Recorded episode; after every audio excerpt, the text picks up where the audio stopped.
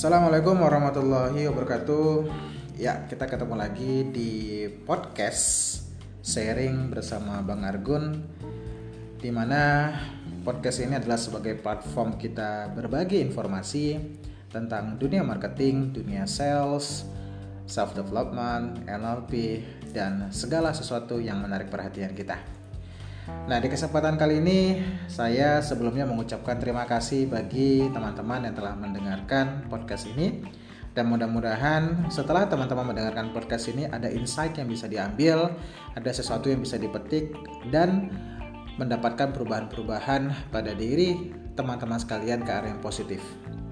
Ya, podcast ini sengaja saya buat sebagai sebuah sarana tempat saya berbagi atas apa yang terlebih dahulu saya ketahui dan saya bukanlah yang paling pintar dalam menyampaikan materi yang kelak akan saya sampaikan, tapi ini adalah bukti bahwa apa yang saya pelajari, apa yang saya dapatkan dari orang lain, dari guru saya, dari coach saya, itu juga berhak untuk Anda ketahui.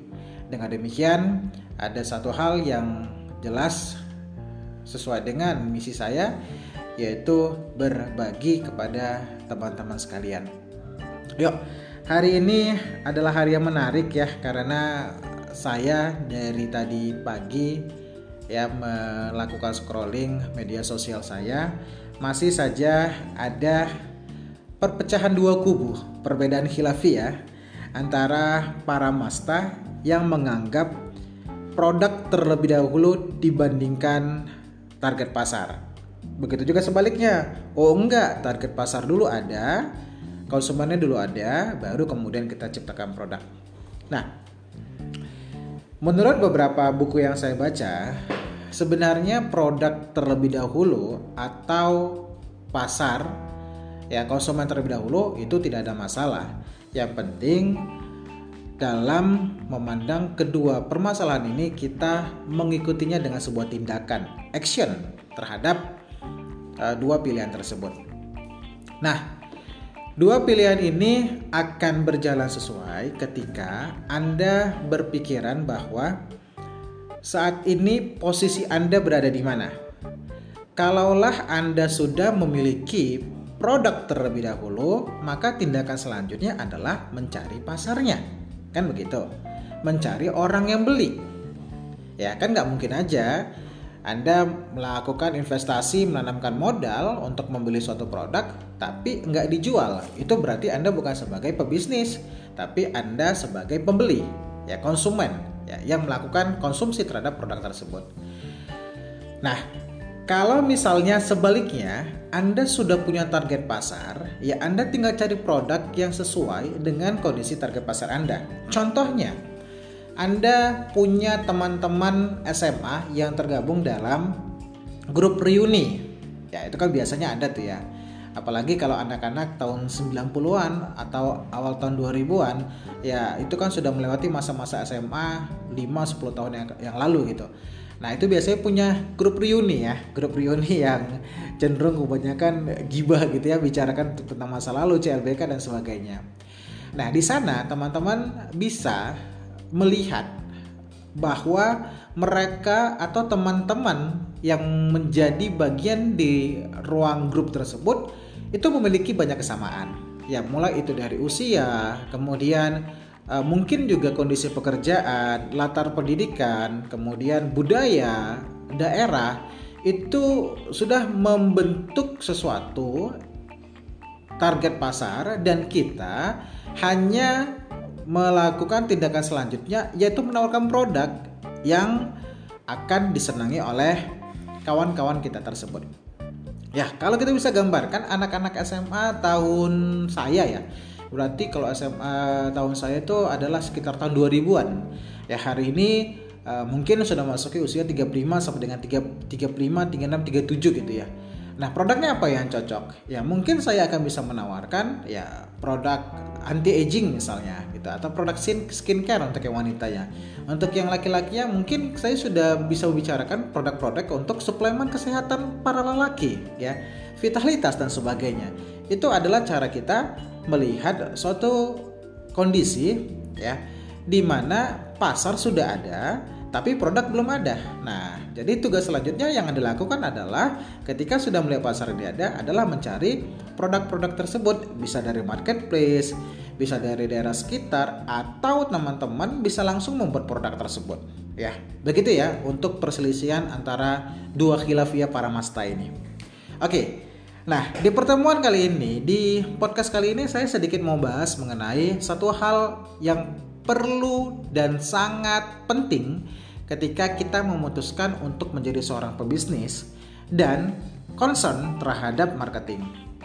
Yaitu produk kita itu digunakan siapa dan bayar persona. Ini juga sering salah kaprah loh. Banyak orang yang mengatakan bahwa bayar persona itu adalah pengguna produk. Belum tentu teman-teman sekalian. Nah, sebelum saya membahas tentang pengguna perbedaan antara pengguna produk dengan buyer persona, saya mau menjelaskan satu hal. Bahwa yang namanya konsumen itu kan adalah yang melakukan konsumsi terhadap produk gitu ya. Tapi belum tentu juga itu adalah buyer persona. Kenapa? Karena pengertian buyer persona itu sendiri adalah buyer yang berasal serapan dari bahasa Inggris yang artinya pembeli, persona ya persona imajinasi kita terhadap seseorang. Jadi baris persona itu adalah bayangan kita ketika kita melihat di dalam pikiran kita, di dalam lamunan kita, di dalam pandangan kita secara tidak nyata ini loh orang-orang yang akan membeli produk kita. Itulah bayar persona. Ya. Saya ulangi, jadi bayar persona itu adalah imajinasi kita terhadap seseorang untuk membeli produk kita.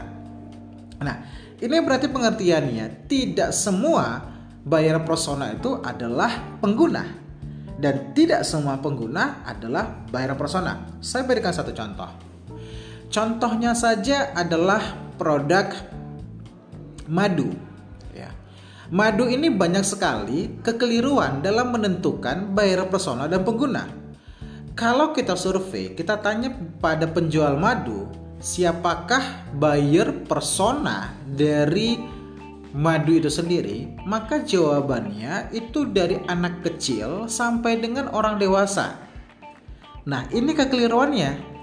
Yang dijelaskan oleh si mitra tersebut atau si penjual tersebut bukanlah buyer persona, tapi pengguna madu tersebut. Ya memang benar madu itu bisa dikonsumsi oleh anak kecil. Tapi anak kecil tersebut belum memiliki kemampuan sebagai seorang buyer Sebagai seorang pembeli.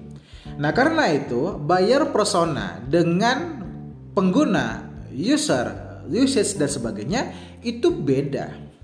Ya kita kasih contoh yang lebih mendalam kalau kita bicarakan tadi buyer persona dan user dari madu tadi, maka buyer persona itu bisa kita lihat siapa dari segi gendernya. Ya, gendernya teman-teman bisa pilih antara laki-laki dan perempuan atau keduanya. Bayangan kita madu, kita lihat dalam suatu uh, bayangan pada uh, wajah kita ya atau pada pandangan kita bahwa memang seorang pengguna madu itu ya laki-laki, perempuan atau bisa keduanya. Begitu juga dengan bayarnya, gitu ya. Nah, kemudian dari usia, demografi kalau kita bagikan dari segi usia, maka ini agak sedikit berbeda. Kenapa? User dari madu itu sendiri dari anak kecil loh. Usia 2 tahun pun sebenarnya sudah bisa minum madu. Tapi usia 2 tahun belum tentu atau dipastikan tidak punya uang gitu kan.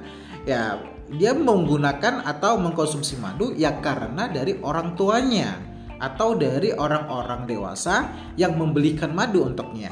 Berbeda ya dengan uh, bayar persona dari madu itu sendiri. Nah, karena itu teman-teman sekalian, ketika kita membuat bayar persona pengguna itu tolong ini dicermati baik-baik ya, dicermati baik-baik. Karena itulah bayar persona itu teman-teman sebaiknya digambarkan orang-orang yang sudah siap secara finansial salah satunya syaratnya teman-teman sudah siap secara finansial. Karena untuk apa teman-teman punya bayangan bahwa madu teman-teman akan dikonsumsi anak kecil tapi anak kecil tersebut belum mampu untuk beli gitu. Untuk apa gitu kan? Artinya kita membuang waktu-waktu kita ya untuk membayangkan sesuatu hal yang ke depannya dia juga tidak akan mengkonsumsi produk kita atau tidak membeli produk kita pada tepatnya ya ini jadi bisa kita skip teman-teman yang selama ini mungkin keliru dalam memahami bayar persona dari madu itu sendiri. Ya. Kemudian contoh yang lainnya atau bayar personal lainnya teman-teman bisa juga berdasarkan dari kegiatan sehari-hari. Apakah madu ini cocok untuk mereka yang beraktivitas berat atau cocok untuk mereka yang ingin menjaga kesehatannya atau mereka-mereka yang memang menggunakan madu untuk alasan lain. Contohnya untuk kecantikan, untuk menyembuhkan luka, untuk tambahan makanan, tambahan minuman dan sebagainya. Bayar persona, tampilkan di hadapan Anda. Bayangkan di hadapan Anda mereka lah yang akan mengecat kepada Anda, mereka lah yang akan membeli pada Anda, mereka lah yang akan bernegosiasi harga kepada Anda, mereka lah yang akan bertanya tentang hal-hal yang berhubungan dengan produk Anda. Itu yang disebut dengan buyer persona.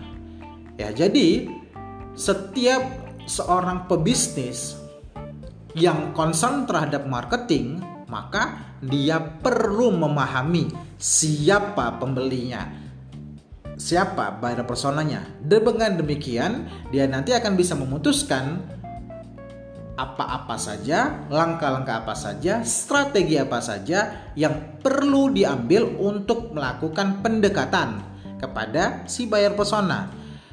Bisa juga untuk melakukan promosi kepada si buyer persona sampai dengan proses closingnya. Oke, okay? Baik, mungkin hari ini di kesempatan kali ini kita selesaikan dulu pertemuan kita ya melalui jalur dunia maya ya podcast. Bila teman-teman ingin bertanya nanti silakan saja hubungi saya ya di WhatsApp yang tertera ya. Atau juga teman-teman bisa akses ke media sosial saya ya dengan nama Bang Argun baik itu TikTok Abang Argun ya. Kemudian Instagram, YouTube dan juga Facebook itu memiliki nama yang sama yaitu akunnya Bang Argun ya. Saya ulangi nama akunnya adalah Bang Argun Oke, semoga bermanfaat dan semoga teman-teman langsung mengambil take action ya karena percuma saja teman-teman dengarkan Spotify ini atau dengarkan podcast ini tapi teman-teman tidak melakukan satu hal yang paling penting untuk meningkatkan penjualan teman-teman yaitu take action. Terima kasih telah mendengarkan. Mohon maaf jika ada yang tidak berkenan di hati. Assalamualaikum warahmatullahi wabarakatuh. Sampai ketemu di podcast berikutnya.